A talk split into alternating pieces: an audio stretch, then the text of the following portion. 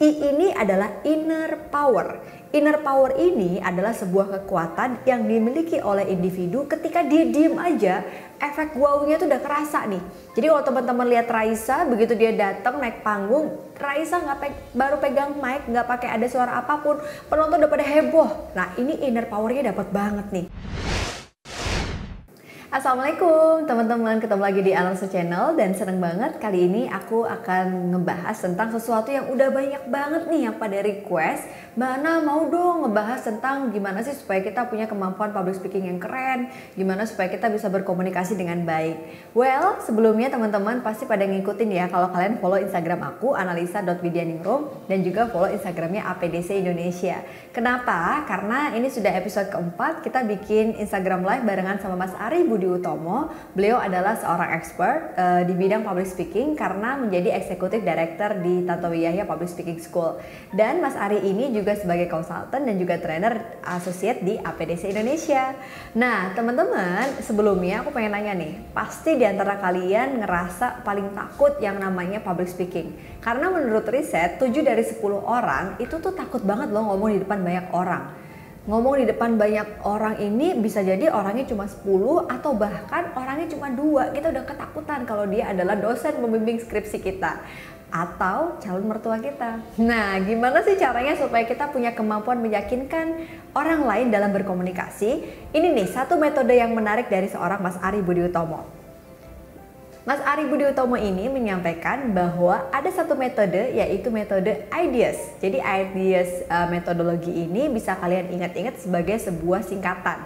IDEAS ini adalah I, D, E, A, dan S. I ini adalah inner power.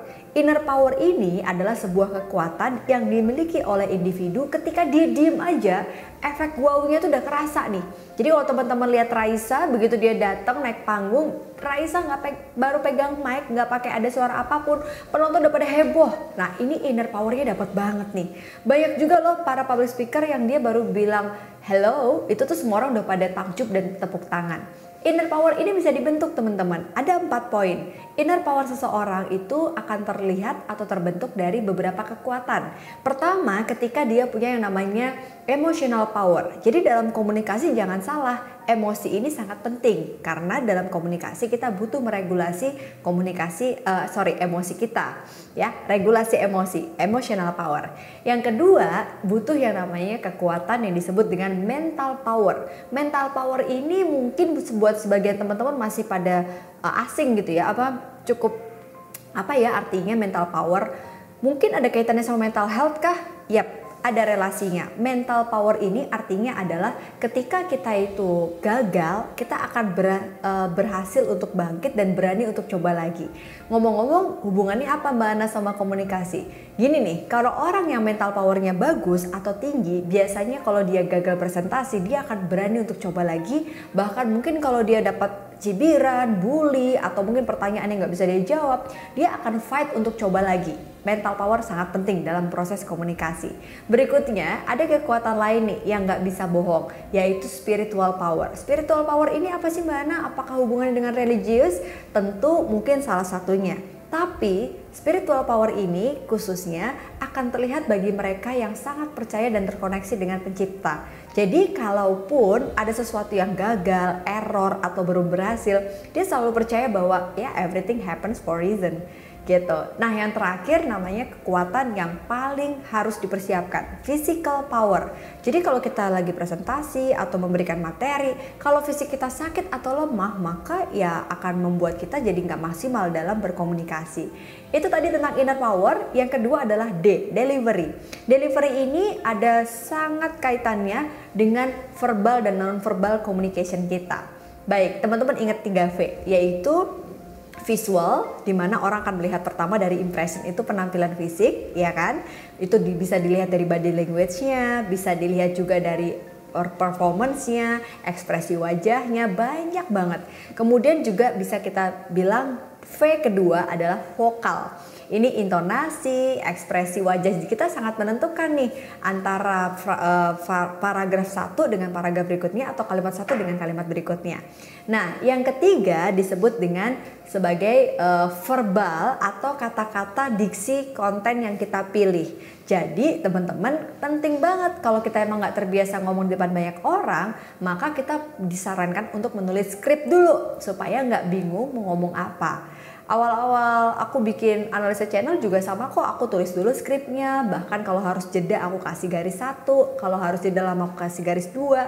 Ini ngebantu kita banget. Sampai pada akhirnya belajar bicara di depan cermin kamera akan ngebikin kita belajar di sebelah mana ya intonasi kita yang nggak enak. Pokoknya rajin latihan akan membuat kita semakin perfect penampilannya. Oke, tadi delivery. Yang ketiga adalah E, effect, efek ya. Efek ini disebut sebagai satu media. Contoh misalnya PowerPoint. Kalau kita lagi IG live ya tadi sinyal, kemudian media kamera dan lain sebagainya. Gimana editing kalau kita mau bicara di depan video. Gimana kalau kita mau presentasi ada PowerPoint, Word dan lain sebagainya harus kita persiapkan teman-teman karena media ini akan ngebantu kita untuk bisa menyampaikan ide kita dengan mudah. Tapi ingat, media yang baik tidak harus banyak tulisan, justru disarankan lebih banyak poin-poin aja. Namanya juga PowerPoint. Jangan sampai teman-teman cuma ngebaca tulisan yang dibuat dalam slide. Lalu yang keempat disebut dengan uh, tadi IDEA. A ini adalah autentik kita. Jadi kita harus otentik nggak perlu ikut-ikutan pengen jadi kayak Steve Jobs. Boleh kita curi ilmunya tapi kalau kita nggak sama kayak Steve Jobs ya udah. Mungkin kita punya style sendiri nih ketika kita menyampaikan sebuah ide kita atau presentasi. Kita akan menemukan autentik kita ketika kita semakin banyak jam terbang. Yang pasti harus menjadi diri sendiri ya. Nah yang terakhir adalah self assessment self assessment ini penting banget teman-teman. Kalau kalian mau belajar komunikasi butuh yang namanya feedback Feedback bisa didapatkan dari mentor, dari guru, ataupun dari orang sekitar. Aku suka banget nih dapat feedback dari mentor atau mungkin trainer yang udah lebih senior dari aku. Atau mungkin aku rekam di kamera terus aku tanya pendapat orang sekitar. Nah dengan seperti ini semakin banyak dapat feedback kita akan semakin belajar.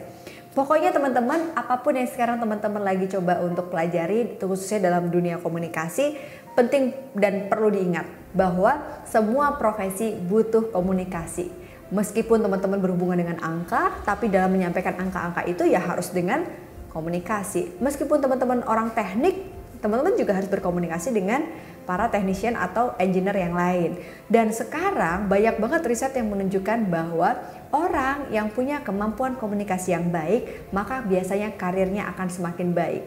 Jadi, apa ruginya sih kalau kita mau belajar tentang teknik komunikasi? Nah, buat kamu yang pengen nanya-nanya atau mau konsultasi, bisa langsung aja kasih komen di bawah. Kira-kira enaknya kita ngebahas apa lagi ya? Atau kapan-kapan kita undang Mas Ari di YouTube channel kita. Sampai jumpa semuanya. Thank you udah nonton Asa Channel dan aku mau saya thanks juga. Makasih banget yang udah subscribe uh, selama pandemik dan juga work from home.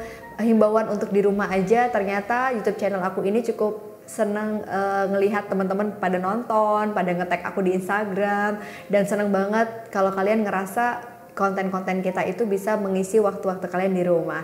Sukses ya buat semuanya, semoga semuanya sehat dan baik-baik aja. Terima kasih, Assalamualaikum.